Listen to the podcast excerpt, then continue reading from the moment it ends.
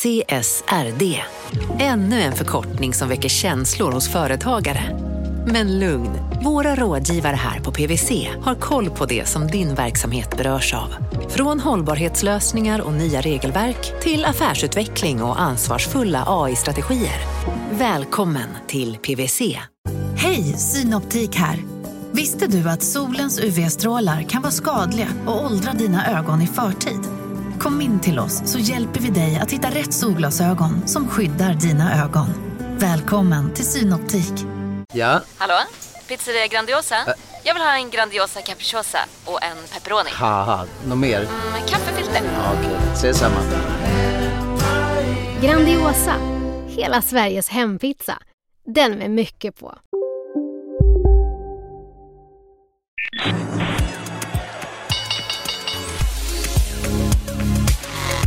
Här är Marknaden med Helene Rothstein. Hej och hjärtligt välkommen till podden Marknaden. Jag heter Helene Rothstein och idag så har jag en arbetsrättsveteran med mig i studion och det är Åsa Erlandsson som är advokat och delägare på den affärsjuridiska byrån Zettervalls. Välkommen hit. Tack så mycket. Arbetsrättsveteran. Ja, det är ju inte klokt, men jag tror det börjar närma sig. Vad börjar det närma sig? Alltså, du får räkna ut själv om jag säger så här. Jag började på Zettervalls 1998. Ja, det är så länge sedan så det är inte klokt. Och sen dess har jag jobbat med arbetsrätt.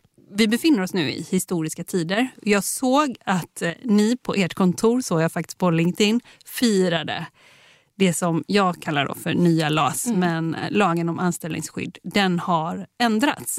Och vi är faktiskt inne på andra arbetsdagen bara på förändringen. Precis. För lagen trädde i kraft 1 oktober. Och nu Ja, det, den, trädde i kraft, det är så skumt så det. Den trädde i kraft den 30 juni, Aha. men börjar tillämpas första gången 1 oktober. Ja, men det är ju jätteskumt. Okej, så vi är inne, och då var i lördags. Eh, så att nu, och nu är det tisdag. Precis. Så igår var första dagen då den började tillämpas. Men hur stort är, är den här förändringen?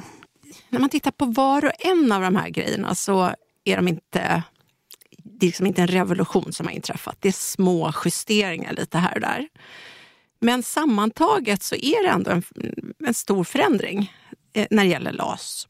Men sen är det så att det här ingår i ett paket där det ingår mer än bara LAS. Och allting handlar om att vi ska försöka få till den här eller rättare sagt rätta till den stelhet eller stelbenthet som man uppfattar finns på just svensk arbetsmarknad som innebär att folk inte vågar byta jobb därför att man är rädd om sin plats i turordningen. När sist in först ut. Att man liksom, byter jag jobb så kanske jag kommer längst ner på LAS-listan. Äh, det är lika bra att jag stannar här fast jag inte trivs, fast jag egentligen eh, liksom kan andra grejer bättre och allt vad det nu kan vara. Så att det finns mång och det är, det är många andra delar i det här paketet som handlar om omställning på arbetsmarknaden som också är viktiga. Och det är det jag menar, att det sett till sin helhet, då, dels LAS-ändringarna som liksom är konkreta såklart, men också i det här andra sammanhanget så är det ett skifte som vi ser. Det ska bli spännande. Nu vet vi ju inte, det är ju som du säger bara gått ett par dagar. Men när vi tittar tillbaka så ska det bli otroligt spännande att se vad det här gör på svensk arbetsmarknad. För vitsen då att öka rörligheten, det finns ju också något marknadsekonomiskt Ja, eh, liksom effektivt absolut. eh, ifall, ifall man lyckas göra det. Eh, vad är det som pekar mot att man kommer gå i den riktningen här? Ja, men dels är det inslag i LAS-förändringarna. Till exempel då att eh, arbetsgivaren ska få göra mer eller större undantag från turordningsreglerna till exempel. Eh, men sen är det också de här andra delarna som jag nämnde. Dels så kommer det ju nu, och det har vi hört på radion jättemycket om, ett väldigt generöst vuxenstudiestöd som det kallas för. Där man, om man är etablerad på arbetsmarknaden, alltså har jobbat i mer än åtta år, eller åtta år minst under en 14-årsperiod, eh, så har man rätt till ett otroligt eh, generöst studiestöd. Bidrag och lån från staten för att plugga till någonting annat som arbetsmarknaden eh, behöver. Jag har till exempel hört att slöjdlärare är tydligen ett jättebristyrke. Så är det det man liksom har gått och drömt om så kan det här vara en möjlighet. Och det andra som är utöver det här med studiestödsdelen då, det är alla som har kollektivavtal vet att då omfattas man av en väldigt fin förmån som heter omställningsstöd eh, via omställningsorganisationer, typ Trygghetsrådet och Trygghetsstiftelsen och Trygghetsfonden och allt vad det nu kan heta. Eh, de hjälper eh, de som behöver flytta på sig eh, av arbetsbristskäl eller sjukdom kanske att Eh, hitta nya jobb. Man, liksom lite jobbcoachning och sådär. Plus att det finns ett ekonomiskt stöd där också. Men den här jobbcoachningsdelen då, den har man ju sett den fungerar otroligt bra i de här eh, omställningsorganisationerna. Och då eh, har man nu hittat en lösning där staten ska kunna tillhandahålla samma sak för de som är på arbetsplatser som inte omfattas av kollektivavtal. Så det är liksom igen då ett sätt att få folk att få upp ögonen för att jag kanske kan hitta något annat jobb än det jag sitter på just nu som passar arbetsmarknaden bättre och mig bättre.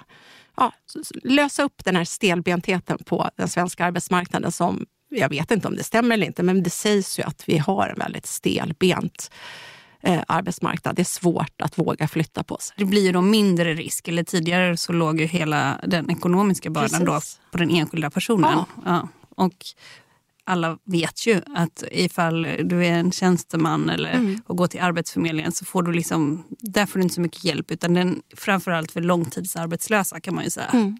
Nej, Eller? helt rätt. Nej, jag håller helt med på allting. Nej, men jag, det ska bli, och det är liksom det, det här, nu ser vi bara att det är ett regelverk och så får vi se hur långt eh, pengarna räcker.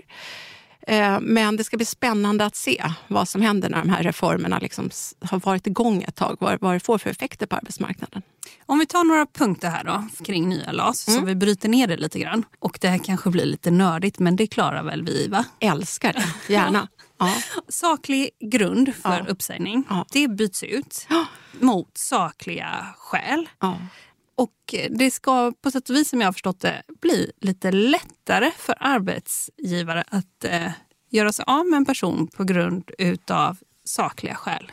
Ja, det har jag också hört. Nej, men alltså, jag vet inte, vi får väl se, tänker jag då. Jag har också hört det beskrivas på det sättet. Jag uppfattar egentligen att syftet är att göra det mer förutsägbart vad som krävs när man vill säga upp någon på personliga skäl. Du vet, saklig grund och som det har hetat hittills kan, kan ju vara två grejer. Antingen personliga skäl eller arbetsbrist. Arbetsbrist är inte berört i det här alls, utan det här handlar bara om personliga skäl.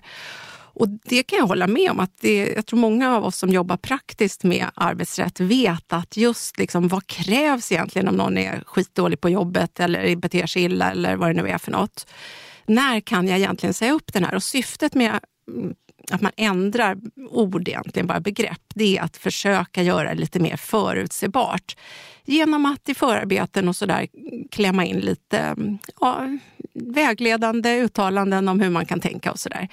Men egentligen, så, och det är några små grejer som, dels så säger man till exempel att man ska titta mer på liksom själva avtalsbrottet. Hur allvarligt är det här? Eh, som det har varit hittills så har man haft något sånt här prognostänkande. Att man ska mer tänka på, ha nu har Nisse gjort det här, men vad säger det egentligen om, om hans förmåga att framåt rätta sig eller göra bra i, i anställningen? Men det ska man inte titta så mycket på, utan man ska mer titta på Vad har hänt? Ja, vad har hänt? Liksom. Det är Ja. en sån sak som gör att, och, då, och med det tycker man då att det ska se lite, eller vad uppfattas som mer förutsägbart, vad som ska vara sakliga skäl för uppsägning. Då. Om det blir så eller inte, I don't know. En annan grej är att, till exempel att man ska inte behöva omplacera flera gånger. Man säger att, för det står i andra, om vi nu ska nörda runt här, så Ja, står det i andra stycket i paragraf 7 där det här med sakliga Mm. skäl står. Så står det att, nu slarvar jag med juridiken här, men man kan säga att det är aldrig eh, sakliga skäl för att säga upp någon om det är skäligt att omplacera. Och det där har man då sagt att det räcker med att man har testat omplacering en gång med de här nya reglerna. Och har man gjort det en gång och inte det har funkat, ja, men då ska man kunna säga upp. Förutsatt att det är tillräckligt allvarligt och sådär. Ja, för om man då har sagt upp en person och det uppstår en tvist. Då så har jag förstått det som att tidigare så var det så här att eh, den här tvisten, då skulle den anställde som hade blivit av med jobbet, den skulle få betalt under tiden. Och det ändras nu. Ja, ja, men bra förklarat, bra uppsnappat. Så, är, så var det. Eh, och mm, det kan man kan säga, tanken bakom det var ju att Liksom, det är inte alltid så man blir av med jobbet, men om man hade yrkat ogiltighet, om man hade begärt att få komma tillbaka till jobbet, så skulle man under tiden det där liksom, var hos domstol och så, så skulle man få vara kvar på jobbet, enkelt uttryckt, och ha rätt till lön och så. Och skälet till det var ju att har man väl liksom lämnat så är det liksom svårare att komma tillbaka såklart. Syftet var väl liksom att verkligen säkerställa att man skulle kunna komma tillbaka till jobbet om man vann. Men nackdelen med det, om man nu sitter på arbetsgivarsidan som jag gör, det är att arbetsgivaren fick ju ta en stor kostnad för att även om man vann sen och hade gjort rätt så hade man ju ändå, det tar lång tid. Liksom. Har man inte kollektivavtal så räkna med ett par år brukar jag säga innan du har din, din sak klar, avklarad. Så det blir mycket pengar liksom, även fast man har gjort rätt. Eh, och det där har ju då kanske gjort att när man till exempel har gjort upp och gjort överenskommelser så har det där legat som något litet säga rött skynke ska jag inte säga, men som en liten inspiration till vilka nivåer man hamnar på när man gör upp om att en anställning ska upphöra. Och det har varit väldigt kostsamt såklart för mindre företag särskilt. Vad kan det kosta då? Om det har varit en tvist? Ja, det beror lite på. Det är nästan omöjligt att säga för att det beror väldigt mycket på hur bra eller dåligt case man har. Man får, det är den frågan jag alltid får. Så här, ja, men kan ge mig en tumregel? Vad kostar det ungefär? Och jag säger alltid att det, kan, det är omöjligt att säga för det beror på. Hur, har vi bra case ska vi inte betala ett korvöre. Men har vi ett dåligt case så kanske vi ska betala lite. Men eh, det är klart att om jag, som jag nämnde, om vi vet att det tar ett par år innan den här prylen är avgjord i domstol och du ska betala lön under den tiden så förstår ju du också att det, det, det påverkar ju nivån på uppgörelser. Men det tas då bort helt enkelt eh, från och med i lördags. Då kan man tycka stackars anställd då, ska den liksom, blir man, så anställningen fortsätter tills uppsägningstiden har gått ut såklart. Men när den går ut så, så är man själv. Liksom. Då har man inte stöd från arbetsgivaren längre. Då är man inte anställd längre. Istället så har man gjort ändringar i a-kassereglerna. Så man får som arbetstagare istället ersättning från a-kassan. Och arbetsgivaren har liksom inga skyldigheter längre. Men det som är fina i kråksången som jag gillar med det, det är ju att det är inte så att man automatiskt får ersättning från a-kassan utan man måste ju uppfylla alla andra krav som a-kassan ställer. Dels för det första att man är medlem såklart, men framförallt att man står till arbetsmarknadens förfogande på ett aktivt sätt. Och förhoppningsvis då så kan ju det göra att istället för att gå där och bara längta efter sin eh, lön då, som dyker in på det här jobbet där man, arbetsgivaren inte vill ha kvar en men jag har rätt enligt lag att vara kvar. Så går jag till Arbetsförmedlingen och söker jobb och är aktivt eh, jobbsökande på ett ja, mer konkret sätt kanske. kan ju hända att jag får ett nytt jobb som jag gillar och så börjar jag där istället och så kanske jag istället bara yrkar, alltså begär ekonomisk ersättning för det, den skada jag har lidit under tiden tills jag fick ett nytt jobb. Jag, jag kan nog se ganska mycket bra saker med det där utöver att arbetsgivarna får en lättad eh, börda då rent ekonomiskt. Det känns också som att det blir ett steg för att eh, öka rörligheten Exakt. eller liksom gå ja. vidare i livet. För ja. det, oh, det känns ohälsosamt att hamna i såna tvister. Men, va, eller? För den personliga hälsan? Min erfarenhet är, att, och jag tror jag har sagt någon gång också i någon sån här intervju i lag och avtal eller vad det var, att om, när uppsägningar av personliga skäl, det finns bara förlorare där. För att det, det är väldigt sällan att det slutar bra. Eh, så det, jag håller med om det. Det är bara jobbigt och det, vem mår bra liksom, av att bli felaktigt uppsagd? Det är förskräckligt. Att bli rätt uppsagd och inte hålla med om det är förskräckligt. Att bråka om att vilja komma tillbaka till ett ställe där någon har sagt att vi vill inte ha det längre. Det är förskräckligt. Det är jättesorgligt. Så att alla, nu, liksom, man kan inte vi kan inte ändra verkligheten runt omkring men kanske att man kan skruva lite grann på reglerna som kringgärdar det här så tror jag tror att det är bra. Då kan vi förvänta oss också kanske att tvisterna kommer gå ner. Ska jag vara uppriktig så tror jag att i alla fall under en övergångsperiod så tror jag att vi kommer ha fler tvister. Därför att nu är ju liksom saker och ting lite osäkert. Vi vet ju inte exakt vad som gäller och vad som... Så det är nog så att det är mycket som är osäkert. Jag ska nämna en annan grej på tal om det här med sakliga skäl. Det är att som det har sett ut hittills så är ju Arbetsdomstolen som avgör vad innehållet i det här med saklig grund har ju alltid varit. Eh, och parterna kan liksom inte komma överens om att det här är vi överens om, tycker att det ska vara saklig grund. Det man gör när man gör ändringen till sakliga skäl det är att man också gör begreppet dispositivt. Alltså arbetsmarknadens parter, nu slarvar jag lite med uttrycken här, kan komma överens om innehållet i sakliga skäl i kollektivavtal. Eh, eller rättare sagt arbetsgivaren och arbetstagarorganisationer på en mycket hög nivå, typ LO och PTK, alltså inte den lokala klubben eller så där, där hemma, men, men på hög, hög nivå så kan man komma överens om vad, ska vi, vad tycker vi på vårt kollektivavtalsområde ska fylla begreppet sakliga skäl. Alltså vad är sakliga skäl? Och det, det, är också, det är också grej man ser fram emot vad Arbetsdomstolen kommer säga och tycka om. För att jag då som läser Arbetsdomstolens domar där på onsdagar klockan 11 med stort intresse. Jag måste nu lägga till en dimension där som innebär att vem är det som har fått saken prövad? Är det här sakliga skäl enligt LAS?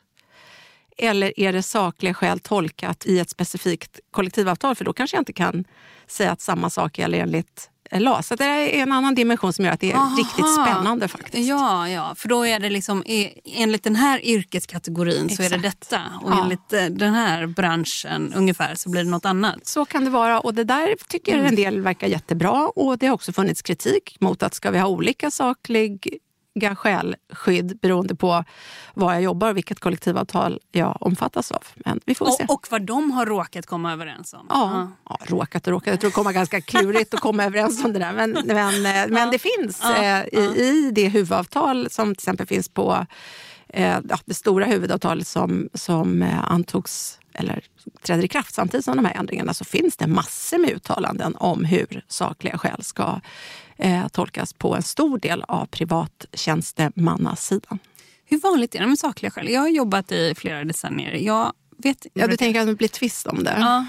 Nej, men det är det som är, jag skulle säga att hela arbetsrätten går ut på att man ska göra upp jämt. Det, är ju, det finns liksom möjligheter att göra upp hela vägen. Det är, det är ett tvisteförhandlingskrav innan man kommer till Arbetsdomstolen och MBL. Ja, men du vet, det är, liksom, det är hela, och det är ju så de flesta anställningar avslutas.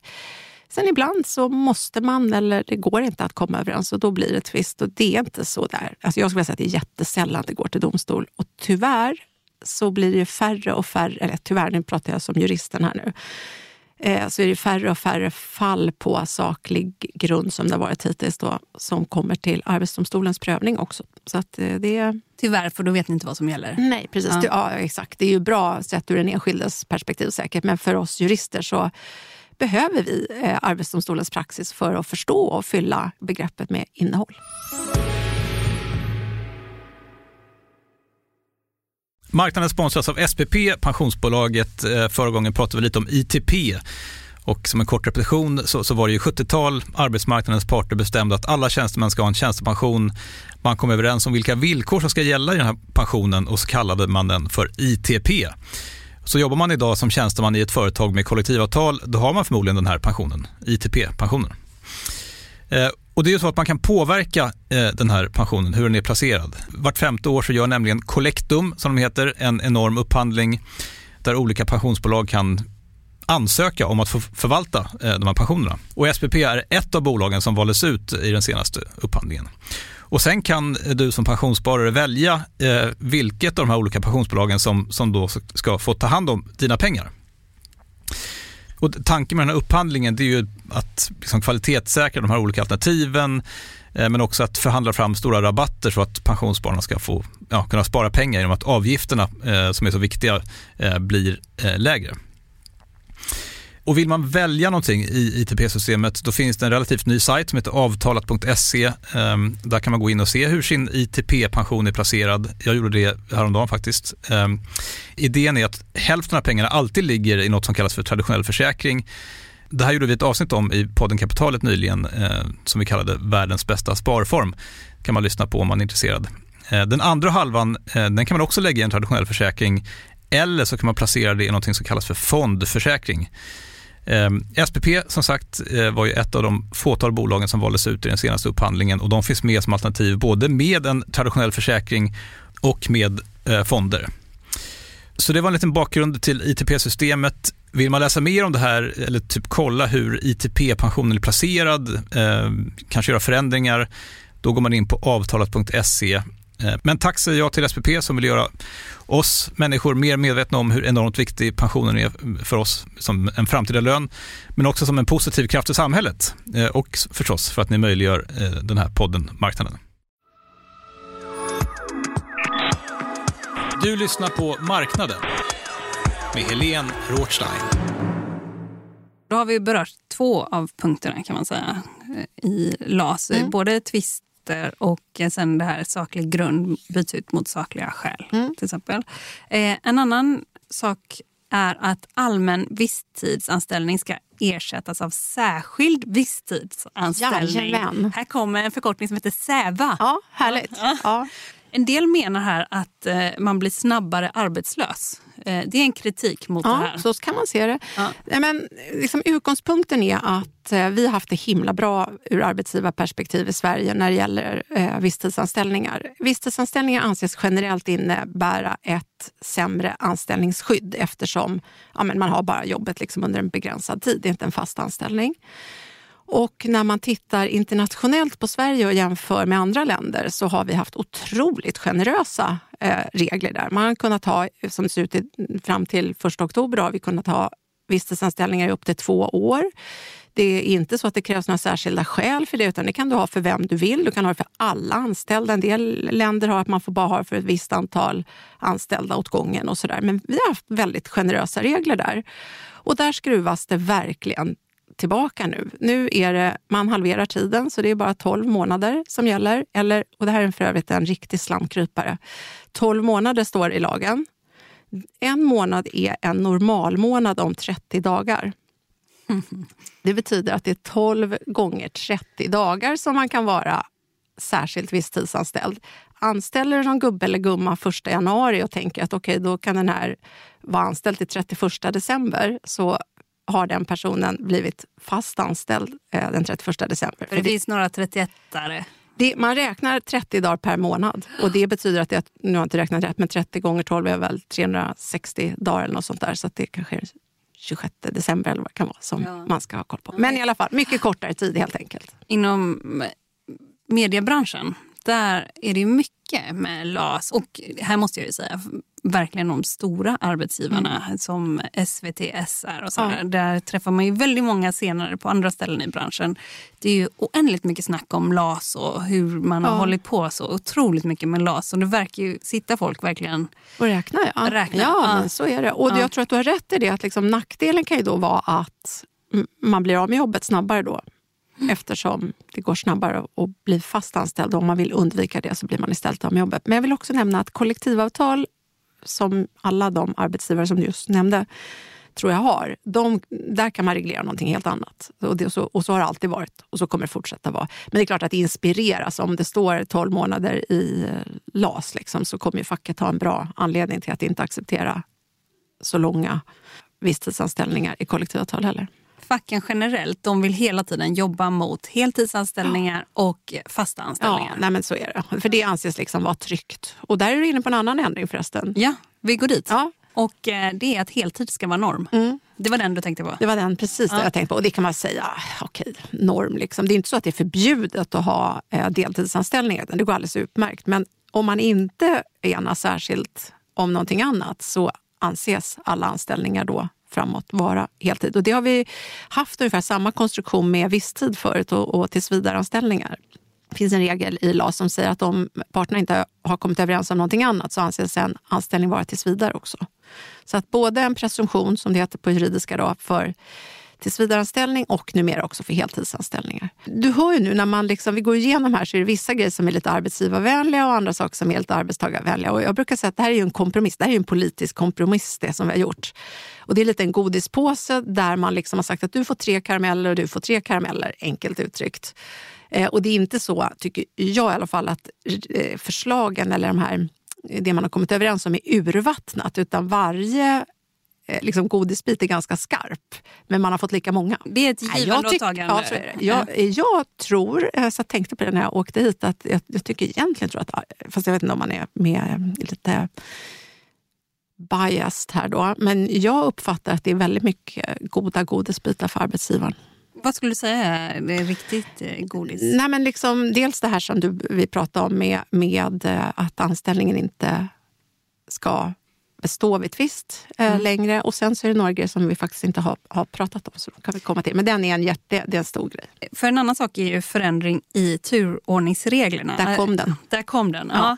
För tidigare så, så, fick man undanta två personer om man hade max tio. Och, eh, men nu får man undanta tre personer. Ja, man kan säga att alla arbetsgivare, alldeles oavsett om man har tio eller färre eller hundratusen anställda, får man undanta tre personer enligt eh, från turordningen. det betyder ju helt enkelt att är det så att man har personer som man tycker är viktiga för sin verksamhet av vilken anledning som helst egentligen, så länge det inte är diskriminerande, så får man liksom skydda dem från uppsägning.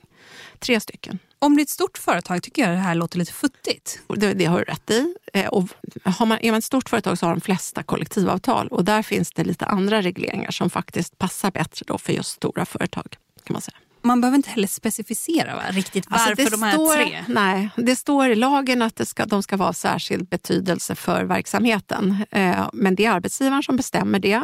Och det är inte meningen att det ska kunna rättsligt prövas av en domstol. Utan det enda liksom, bortre gränsen är diskriminering. Man kan liksom inte välja bort någon Ja, eller någon får inte drabbas av det här därför att man till exempel har, är med i facket eller för att man är kvinna eller för att man har viss religion eller är man eller vad det nu kan vara. Och då blir det liksom lättare att göra sig av med eh, ett helt gäng. Man kan välja lite Le- grann. välja, ja. och jag, ja, men jag vill faktiskt säga att det där är... Arbetsbrist är ju i Sverige ett eh, arbets, en, en, en arbetsgivarvänlig konstruktion skulle jag vilja säga, redan som det är. Därför att det är till skillnad mot många andra länder så är det arbetsgivaren som bestämmer när vi har en, en arbetsbristsituation. Hur, jag får driva min verksamhet hur jag vill. Det finns liksom ingen definition av arbetsbrist eller redundancy som måste uppfylla vissa kriterier och sådär, utan det är arbetsgivaren som bestämmer det. Och Det betyder ju att jag har ganska mycket möjligheter att använda mig av arbetsbrist eh, när jag tycker min verksamhet behöver det.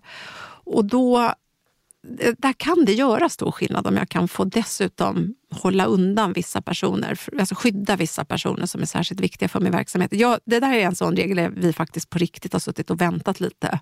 Saker och ting som arbetsgivare kanske behövde göra. Eh, före första oktober så har vi sagt att vänta lite så kommer vi kunna lösa det här på ett mycket bättre sätt. Ja, ni har flera där ni har suttit och sagt så här.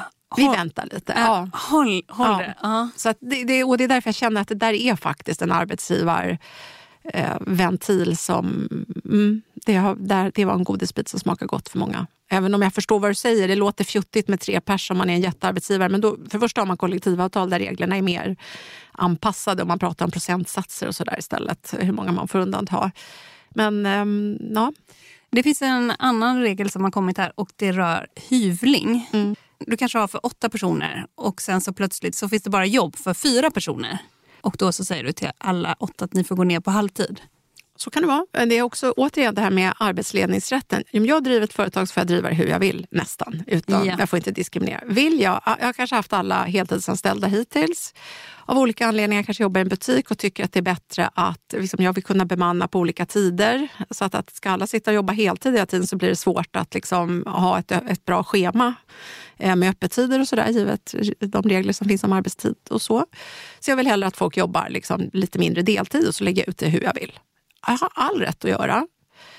Eh, så som reglerna har sett ut fram till idag, så som de har tolkats av Arbetsdomstolen, så har det varit jäkligt hårt för arbetstagarna. Därför att dels då som sagt var så är det arbetsgivaren som bestämmer det här och det är det fortfarande.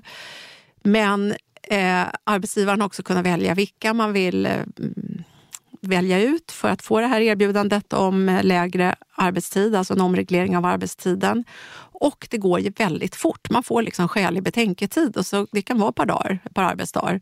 Och, sen, när man- plötsligt har man bara halva lönen. så har man plötsligt bara halva lönen. Så att det där kan man väl enkelt säga att det där har varit ett stort rött skynke på arbetstagarsidan som var viktig i de här LAS-förhandlingarna. Och där ja, fick man till det nu. Då. Så att är det så att man bara ska omreglera, som vi kallar det för, arbetstiden så ska man göra det i turordning. Sist in, först hyvlad, eh, kan man säga är den nya regeln. Så att när man hyvlar arbetstiden så ska man göra det i turordning. Sen får vi väl se hur stor eh, betydelse det där har. Jag- Det är liksom inom vissa branscher som det där är vanligt jag, förekommande. Ja, för jag tänker, är detta handel, restaurang, Ja. hotell? Det är Ja, där ja. vi rör oss ungefär? Eller? Men är det är det. också väldigt mycket människor. Ja, det är det. Det, är, det alltså, de som drabbas har nog drabbats väldigt hårt, kan man säga. Men på tjänstemannasidan så är det ju mycket, mycket mer ovanligt. Sen kan man säga att den kritik som har funnits mot det här lagförslaget, såsom, eller den här lagen som den faktiskt blev, är att den handlar alltså bara om när man hyvlar arbetstid, alltså om omreglering av just arbetstiden. Lägger man till något annat momen- moment i den här förändringen, inte lön då proportionellt som ju blir lä- lägre, men om man ändrar arbetsuppgifterna eller något sånt där, ja, men då är man utanför det här. Eh, Den är lätt att kringgå. Ja, vi får se. Ja, det, återstår att se helt enkelt. Är detta något som har blivit mer aktuellt eh, med tanke på corona så här, som har varit? Med tanke på att det Alltså, är de egentligen branscherna? tror jag inte det, för den här Nej. frågan har varit uppe. Alltså, en, den har länge, länge, länge varit någonting som arbetstagarsidan särskilt eh, i de branscher som du just nämnde inte har tryckt om. Så det, det har varit en viktig fråga i de här förhandlingarna länge. Det är lite till förmån för eh, arbetsgivaren, tycker du, som helhet betraktat, det här nya LAS. Men om man eh, bryter mot någonting här, mm. och då har man ju kastat in en till grej. Det ska bli dyrare att ja. göra fel som arbetsgivare. Precis. Det har att göra med de här reglerna om eh, att man inte har rätt att kvarstå i anställning. Då. Twist. Om det blir tvist, ja. precis. Och då har man sagt precis så att det ska bli... Det innebär ju då att för den som gör rätt, eh, visar det sig att eh, Arbetsdomstolen sen kommer fram till att det var rätt att jag sa upp den här personen, men då har jag åtminstone inte behövt betala lön under, eller jag har inte heller behövt betala lön under hela tvistens prövning.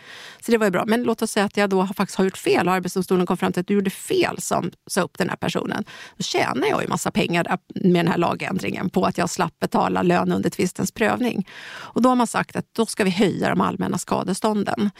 Eh, och de har höjts en bunt. För det är, så, det är en liten specialpryl med alla arbetsrättsliga regler. Att det inte är nog med att man får som arbetsgivare betala eller ekonomiskt skadestånd om någon lider ekonomisk skada, till exempel förlorad lön på grund av att man blir uppsagd. Man får också lite smisk på fingrarna för att man har brutit mot lagen, mot LAS eller för den delen kollektivavtal.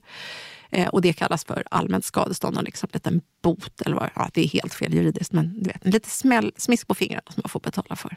Jag vill bara lägga in en grej där som är lite intressant. För att egentligen är det ju domstolen som bestämmer nivåerna på skadestånd. Liksom. Det ska inte lagstiftaren, kan inte, man skriver inte in i en lag, det får man inte göra, att så här högt är skadeståndet. Utan det ska, det ska helt enkelt domstolen bestämma. Så det är lite special att det numera står i förarbetena vilka nivåer som ska... Alltså det står belopp. Så där blir det plötsligt ganska petigt när det står på så här plötsligt belopp Alltså medan ja. annat kan vara ganska... Nej, men generellt så har jag... Nu, nu är det i och för sig så att Arbetsdomstolen, vi vet nog alla ungefär vad det kostar att avskeda någon eh, i, i, när vi pratar allmänt skadestånd. Men det är inte så att det har stått i en lag eller att det har stått i förarbetena hur mycket det ska kosta, utan det har Arbetsdomstolen bestämt. Eh, och nu så är det liksom lagstiftaren som är in och petar lite på en fråga som egentligen enligt den maktfördelning vi har i Sverige hör till eh, domstolarnas eh, område. Men ja, ja, jag är inte så petig, det ska säkert funka. Men det är lite juridiskt lite speciellt. En annan sak rör bemanningsbranschen. Då ska man få lättare anställning på den kunden när man har jobbat. Mm. Den är väldigt spännande. Det är en jättekul eh, förändring, fast också otroligt märklig. Liksom. Och jag undrar, det är någonstans när man har gjort det här som man inte gillar bemanningsbranschen. Bemanningsbranschen har fått sig en riktig drapa här helt enkelt. Eh, nej, för att regeln är då den att om eh, en bemanningsanställd har varit hos en och samma kund på ett och samma driftställe i mer än två år, under en 30, eller 24 månader under en 36 månaders period, så har han eller hon då rätt att antingen få anställning hos eh, den här kunden, eller att kunden är skyldig att erbjuda en tillsvidareanställning, eller betala eh, två månadslöner jag har förstått att arbetstagarsidan i de här förhandlingarna gillar inte bemanning, punkt. Och man utgår ifrån nästan, känns det som, att bemanning är någonting dåligt. Jag jobbar ju med otroligt många eh, bemanningsbolag och vet hur fina arbetsgivare de är. Eh, folk väljer aktivt att vara anställd hos eh, bemanningsbolag många gånger. Och jag tror man liksom känner inte igen sig i det här. Varför ska det liksom... Varför, varför ska, för de blir också av med sin kompetens kan man ju bara konstatera med det här. Om det är så att man har en massa bra folk som man hyr ut länge kanske hos nöjda kunder och sen så kan kunden inte bara kan, utan är kanske till och med skyldig att säga att hallå, där kommer jobba hos mig istället. Eh, det, det är ju inte något som bemanningsbolagen alla gånger älskar kanske, för de vill ha kvar sina bemanningsanställda. Hur ska man förstå det här då? Att man inte tycker om bemanning, det är för att de... Finns det en bild av att eh, bemanningsbranschen försämrar villkoren? Ja, såklart. Alltså ja. jag, jag, tror du är inne på helt rätt spår. Jag, jag ska inte säga, jag, ska inte, jag, jag, vill bara visa att det finns en fin sida av bemanningsbranschen. Ja. Det finns en ful sida också och det kan nog vara så att det finns eh, utnyttjanden också inom bemanningsbranschen och kanske särskilt internationellt. Ehm, men eh, att liksom sådär helt säga att hela bemanningsbranschen inte är schysst, det vet jag inte. Nej, men för jag har ju hört om ganska stora telekombolag till exempel där mm. nästan alla var, kom från olika bemanningsbolag ja. men de jobbade ihop eh, ungefär hela tiden. Men är det inte lite intressant ändå? För liksom när jag började jobba med arbetsrätt, ja, så länge sedan var det förresten inte, men innan dess. Så jag, jag kom in i arbetsrätten med att bemanning var fult och olagligt nästan. Liksom. Det hade precis börjat luckras upp. Man fick inte jobba med bemanning. Idag har ju liksom pendeln gått helt i andra riktningen. Det är väldigt flexibelt. Du får organisera din eh, arbetsstyrka hur du vill. Vill du anställa? Vill du bemanna? Gör hur du vill. Men det finns, liksom, det finns ju en reglering på EU-nivå som i, i Sverige då har implementerats i uthyrningslagen som innebär att vi ändå, det finns liksom, det ska vara fair play. Man kan inte sitta och utnyttja de här bemanningsanställda på något sätt och sådär. Men nu, liksom kommer, nu, nu kommer ett slag i helt andra riktningar som lite grann säger att nej, men nu ska vi försöka, vi gillar inte bemanning, vi får försöka, det har gått för långt. Vi måste försöka begränsa det där, eller vi uppfattar att det utnyttjas. Så vi får väl se vad som händer. Men min poäng lite grann är att vi har ändå gått mot en väldigt flexibel arbetsmarknad där det dyker upp väldigt mycket nya anställningsformer, eller rättare sagt anlitande former. Jag tänker på gigekonomin liksom har ju på något vis gjort att allting ser annorlunda ut. Och jag är den första att hålla med om att visst finns det avarter och det vi ser mycket som inte ser bra ut. Men utveckling finns där och att bara liksom, det är som att vara på Gröna Lund. Okej, nu dunkade vi ner den där fula gubben som dök upp, den gillar vi inte, men det kommer dyka upp någonting annat. Så jag är inte säker på att den här typen av lagstiftning är det som håller i längden. Jag tror att bemanning eh, är här för att stanna. Så att vi får väl se var det slutar. Nu är det ju inte förbjudet med bemanning ska jag säga. Men det är ju ändå ett sätt att eh, liksom, lite sätta... Ja, men det blir ju något straff. För att om du har en konsult inne länge, antingen får du anställa den konsulten eller så får du betala ja. för att du fortsätter med men man att kan hyra säga in. Långtidsbemanning är inte meningen. Så, så kan man säga. Det är det som är utgångspunkten i lagen. Mm. Vad tycker du om det då, långtidsbemanning? Alltså... Ja, men det beror, jag säger igen så här, jag tycker att var och en ska kunna få välja själv hur man vill A. Bli anlitad, B. Anlita någon. Det tycker jag är utgångspunkten. Jag förstår också att om det är så att det finns problem och att folk utnyttjas och att bemanningsbranschen har dåliga villkor eller jag vet inte vad det nu skulle vara. Ja, då ska vi såklart eh, göra någonting åt det. Jag bara undrar, är det här verkligen rätt sätt? För att jag tror att vi har en reglering av bemanningsbranschen redan i uthyrningslagen som innebär att man ska inte kunna eh, utnyttja bemanningsanställda. Så att jag, jag vet inte. Men jag säger igen, det här är liksom lite politik och det är lite givande och tagande. Och det här var någonting som arbetstagarsidan verkligen ville ha. Så att eh, så, så blir det. Vi får väl se. Det ska bli spännande att se.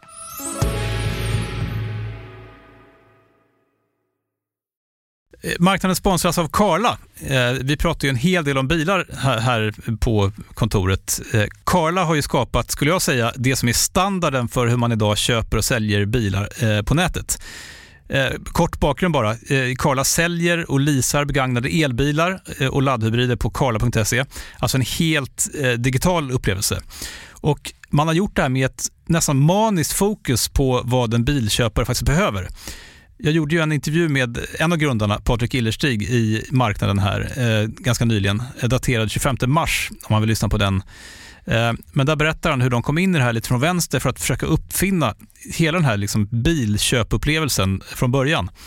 Och de har idag, vilket är rätt otroligt, 4,8 i betyg eh, på Trustpilot. Jag, jag har sett många företagssidor på Trustpilot, men det här är nog bland eh, det bästa jag någonsin sett faktiskt. Man kan sälja bilen till Karla också. Eh, då går man in på karla.se, delar lite info om bilen, sen får man en gratis värdering och ett bud. De hämtar bilen helt gratis i hela Sverige och så har man pengarna på kontot i samma stund som de hämtar bilen. Det är grymt. Eh, så ska du köpa en ny bil eller sälja din gamla, eller båda delar för den delen, gå in på karla.se och eh, kolla. Alltså karla.se och Karla stavas med C. Tack så mycket till Karla. Du lyssnar på Marknaden med Helene Rothstein. Alltså när LAS kommer så här, det var ju en utredning som kom som stoppades. Plötsligt hade någon suttit och gjort en utredning hur många år som helst och sen så var det liksom inte riktigt... Eh, Nej men så här var det ju. Alltså det, det är det här som är så himla kul för att det är ju politik vi pratar om ja. här. Det, det är ju knappt man kommer ihåg det men förra regeringsbildningen var ju inte kul. Jag på säga. Det tog ju tusen år innan det där blev klart och då kom ju Eh, det som sen blev regeringspartierna överens om i den här januariöverenskommelsen eller 73-punktsöverenskommelsen om massa prylar som de sa, det här kan vi regera Sverige på. Liksom eller styra Sverige med utgångspunkt i. Och där var ju en punkt som handlade om arbetsrätt. Och det man sa i den där punkten var att okej, okay, för det hade ju Centern dragit mycket på att det här med turordningsreglerna har man ju fått höra i evigheter att de är jättedåliga och sådär. Det måste vi ändra.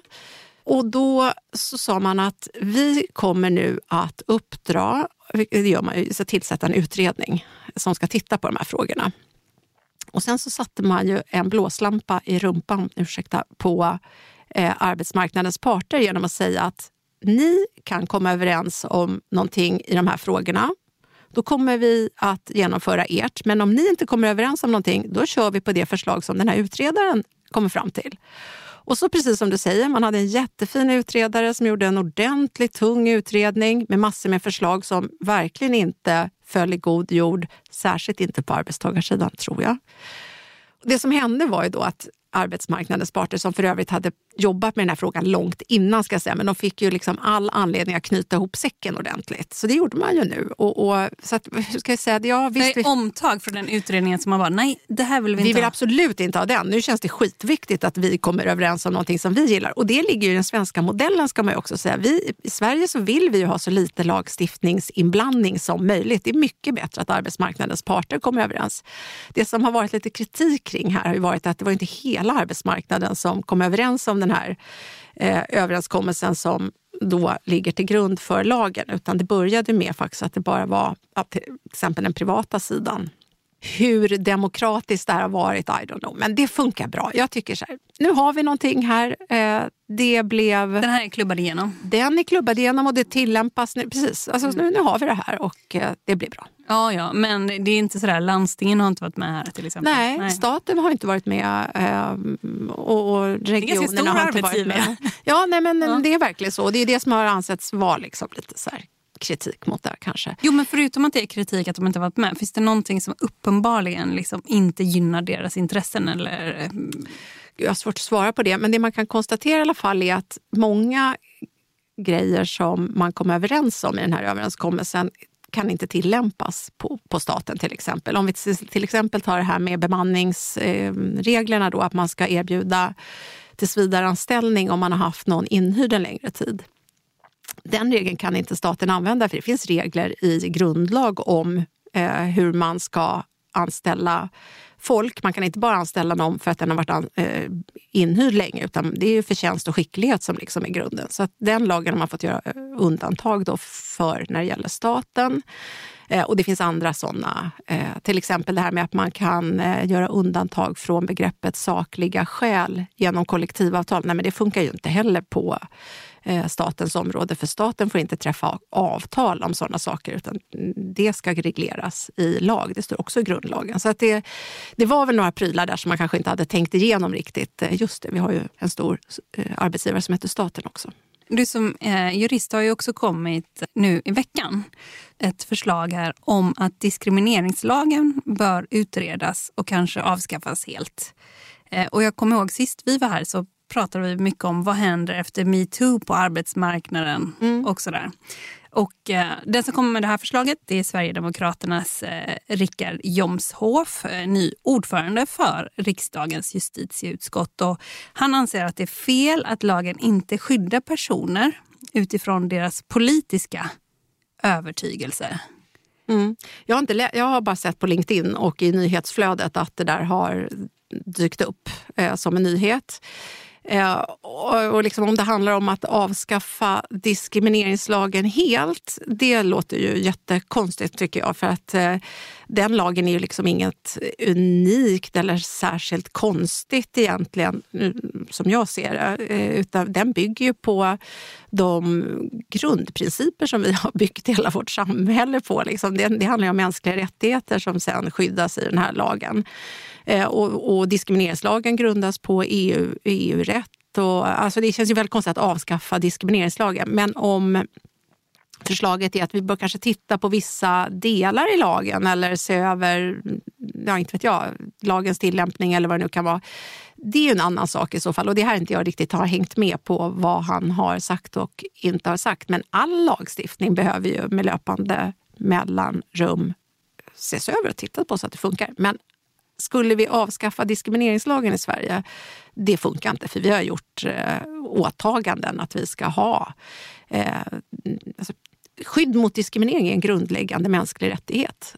Det kan man inte avskaffa hur som helst. Nej, kan, alltså, ja, man kan inte och det vill man inte. Du vet, jag känner nästan så här, jag kan inte, vet inte jag ska uttrycka det på sätt. Det liksom sitter i grund, och i grunden på hela vårt rättssamhälle att vi har ett samhälle och en arbetsmarknad fri från diskriminering och det är klart att vi måste ha lagstiftning som skyddar det. Och alla förslag är alltid bra på det sättet att man åtminstone reflekterar och, och tänker efter och kanske vågar säga vad man tycker om, om eh, vikten av en den här typen av lagstiftning. Ja, det är ju riksdagen också som ska klubba igenom allting. Så det är ju viktigt vad som kommer därifrån. Om det kommer sådana här förslag så är det ju viktigt att liksom eh, att jurister kommenterar det. Ja, visst. Liksom. Nej, men jag håller med om det. Ja. Jag tänkte på det, när du var här senast så pratade du om eh, då, eh, vad händer på arbetsmarknaden efter metoo? Mm. Eh, nu har det gått ett tag. Liksom, har metoo har den lett någon vart? Jo, men det har, har Den det. vågen? Jo, men det tycker jag verkligen att det har gjort. Eh, man vågar... Alltså, det är inte så konstigt. Alltså, ingen kan numera säga att det förekommer inte sexuella trakasserier på våra arbetsplatser till exempel. Alltså det, det, så är det, det vet vi att det gör. Det ena och det andra är att folk vågar prata om det. Det sagt ska jag säga liten backlash med alla förtalsmål som har dykt upp också. Men i alla fall, saken är liksom uppe på bordet. Eh, och eh, ja, det pratas om det. det, det, gör det. Men, men, är det verkligen en backlash? Jag tycker också att det har varit intressant på de här förtalsmålen för att eh, liksom, ja, var går gränsen? Ja. när är du privatperson? Jag tycker också att det är ja. jätteintressant men man får nog inte glömma hur det påverkar den som bara sitter och liksom, gemene man som inte är jurist och vad, vad, är, vad, vad får det för signaleffekt? Mm. Eh, det blir nog ändå lite och jag säger inte att det är fel. Man ska nog tänka på vad man säger och hur man säger det och sådär. Eh, så att, men ehm, Ja, men lite grann tror jag att det där har fått... Eh, det har inte förtagit det, för jag tycker verkligen fortfarande att folk vågar gå till HR och berätta att jag har eh, uppfattat att jag har varit utsatt för någonting eller någonting händer på vår arbetsplats som inte är okej. Det finns många dåliga beteenden på våra arbetsplatser, eller har funnits och det finns det nog fortfarande, som inte liksom är sådär...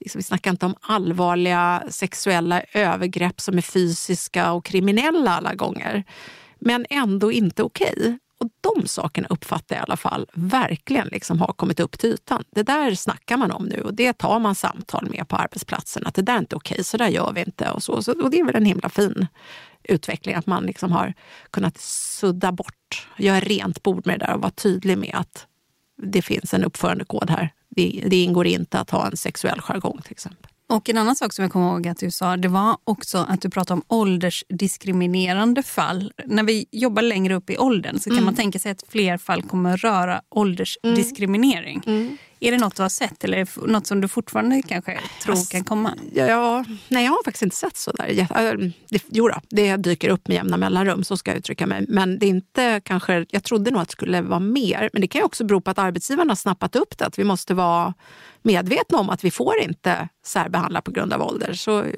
jag vet, bara för att inte man ser att det har gått snett så behöver inte det betyda att frågan inte är uppe. Men det man har sett däremot, tycker jag, och det hade jag nog inte riktigt förutsett, det är det här med graviditet. Alltså diskriminering på grund av kön eller föräldraledighet. Ja, det, det tycker jag ser väldigt ofta faktiskt. Eh, att provanställningar kanske avbryts och så kommer frågan upp, hade en graviditet med det här att göra eller inte? Och det, vad det beror på vet jag inte riktigt, men jag vet att vår ja, nygamla, alltså vi har fått en ny fast det var ett tag sedan, DO som uttryckligen har sagt att den här frågan vill jag driva och det har man gjort. Diskrimineringsombudsmannen? Ja, DO Diskrimineringsombudsmannen, precis. Du lyssnar på Marknaden med Helene Rothstein.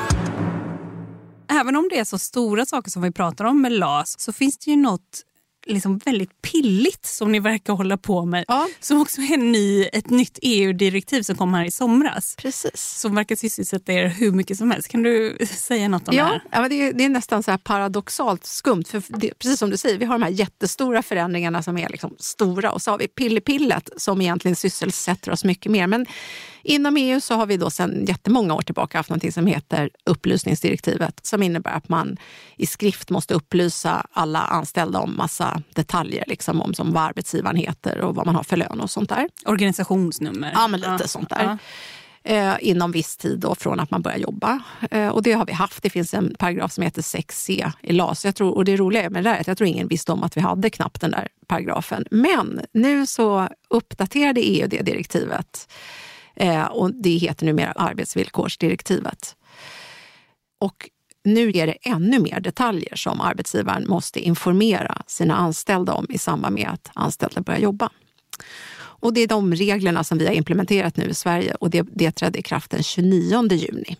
Liksom, ungefär samtidigt som nya LAS. Och det där har fått en sån himla stor uppmärksamhet. Alla klienter ringer och bara Åh, vi måste ändra våra anställningsavtal. Och det är ju för sig riktigt att man på ett eller annat sätt måste informera om det här i skrift. Och det är ju jättefint att man har en ambition att göra rätt där. Men men det har liksom blivit en oproportionellt stort fokus på den frågan jämfört med de här stora LAS-ändringarna som vi pratade om förut. För, liksom när jag hörde talas lite om det här direktivet då kändes det som att det påminner lite om GDPR fast för arbetsrättare. Eller? Väldigt bra liknelse tycker jag. Därför att det är lite samma eh, sak. Att det är liksom mest... Det måste göras. Det måste göras men det är inte så där jättestor skillnad. Och i och för sig en stor skillnad med det här och GDPR är att det som kom med GDPR var att det fanns en rejäl eh, sanktion om man gjorde fel där. Som skrämde upp alla. Och det kan jag ju säga att sanktionen om man råkar missat informera någon i skrift om någon av alla de här punkterna som man nu är skyldig att göra enligt de här nya reglerna. Ja, den sanktionen är liksom inte så allvarlig. Det kanske i värsta fall ett litet allmänt skadestånd. Jag har inte fattat vitsen med de här nya reglerna. Är det liksom för att det ska vara tydligt att du plötsligt så ska du inte råka jobba för någon annan. Det ska vara tydligt var någonstans du ska sitta och jobba. Mm. Eller var, varför men, finns det? Ja, men, otroligt bra fråga. Och då får vi gå tillbaka då. Det här är alltså ett EU-direktiv som vi i Sverige som medlemmar i EU är skyldiga att implementera. Vi måste ju implementera all EU-lagstiftning såklart. Eh, och grunden i det här handlar inte om att vi i Sverige har eh, stora problem utan det handlar om att det kanske på sina håll i EU har funnits brister i hur man informerar sina anställda om ja, men de villkor som gäller för anställningen. Och information om vad som gäller i anställningen är såklart A och O kanske för att man ska kunna tillvarata sina rättigheter. Till exempel en grej som är ny då, det är att man ska upplysa eh, de anställda om vad som gäller om någon av parterna vill eh, avsluta anställningsförhållandet. I Sverige är det ingen grej. Alla känner till, höll jag på att säga lite slarvigt uttryckt, LAS. Liksom. Det har vi koll på. Men så kanske inte är i alla länder. Så att det här är, är liksom mer sprunget ur EU-lagstiftning och eh, där man kanske har sett brister i att alla känner inte till sina rättigheter och vad som gäller i en anställning. Och då åker vi lite med på det i Sverige. Att vi har ju lovat att vi ska göra precis samma sak. Och som ett exempel på det som gör att det blir lite tokigt det är att det finns en regel numera som säger att man ska upplysa arbetstagaren om att eh, sociala avgifter betalas in till staten. Och det är liksom alla våra klienter undrar varför har ni lagt till den här ursäkten? Ursäkta skiten. Det, det liksom vet väl alla. Ja, men nu står det i lagen att vi måste upplysa om det. Så att, ja. ja, lite petigt och liksom att det blir svårare att fatta. Eh, nästan. Ja, nästan så. Ja. Och sen måste, vill jag bara säga, man måste inte göra det här i anställningsavtalet. det viktiga är att man gör det i skriftligt och det kan man göra på andra sätt. Ja, man kan ha policy? Ja, det kan ja. man ha. Men man måste i så fall se till att medarbetarna tar del om det, eh, av dem och har möjlighet att ladda ner dem och allt vad det nu kan vara. Men, men det måste inte vara i anställningsavtalen. Det ska vara i skrift och det ska ske inom en viss eh, tid eh, innan det att anställningen påbörjas. Så att anställningsavtalet är ett bra ställe att göra det på, men det måste inte vara det. Nu när vi står inför en recession kanske, vi får se var, vart vi är på väg, men eh, det finns mycket som pekar ditåt. Är det något som ni ser på klientsidan? Ja, men det gör man ju. Det är lite avvaktande just nu kan man ju milt sagt säga generellt sett. För jag måste bara säga, jag tänker mig att arbetsrätt det är något av en konjunkturmätare. Ja, men det är det. Ja, men så är det. Och då, jag tänker så här, om jag säger avvaktande är att man kanske inte gör de stora grejerna precis just nu utan försöker ändå, vi ser absolut inte liksom stora massuppsägningar eller sådär. Utan man, man väntar nog lite grann. Sen beror det här lite grann på som jag, var man är i Sverige också. Det är skillnad kanske på Göteborg som har mer industri, Stockholm som har mer tjänster och, och sådär. Eh, men generellt sett ska jag vilja säga att det är lite avvaktande just nu och man väntar lite grann på vad, vad ska hända egentligen. Eh, lite förberedande kanske, så att man gör lite omorganisationer och försöker förbereda sig för... Bolagisera enheter? Det kan absolut vara någonting som man gör, men man kan förbereda sig på andra sätt också. Till exempel bara allmänt, vad ser vi att vi behöver för kompetens framåt för att driva på ett annat sätt? Och liksom pandemin var ju också ett sätt, höll jag på att säga, för omvärlden att bara säga till våra arbetsgivare att hallå där, ni kanske ska fundera på hur ni jobbar, hur ni sitter. Ehm, det har också varit någonting som vi nu liksom jobbar med. Ni måste också sitta och, och eh, tänka, hur ser orderflödena in? Ja. Va, vad kommer vi få syssla med ungefär här ja, framöver? Ja, men så är det verkligen. Men det, det där är lite så här, ja, det, det händer så otroligt mycket på marknaden rent juridiskt. Mm. och så vill man bara klia liksom i fingrarna och få använda det, det där. Ja. och så är det lite avvaktande samtidigt, men ehm, ja. det blir spännande. Ja, jättespännande. Stort tack till dig, Åsa Erlandsson, för att du var med i podden Marknaden. Tack själv. Du har lyssnat på podden Marknaden med mig, Helene Rothstein. Och den här podden den kommer ut varje fredag och varje måndag. Och på måndagar så är det en intervju och på fredagar så är det ett slags nyhetssvep. Med det så säger jag att vi hörs snart. Håll ut! Ha det bra. Hej då!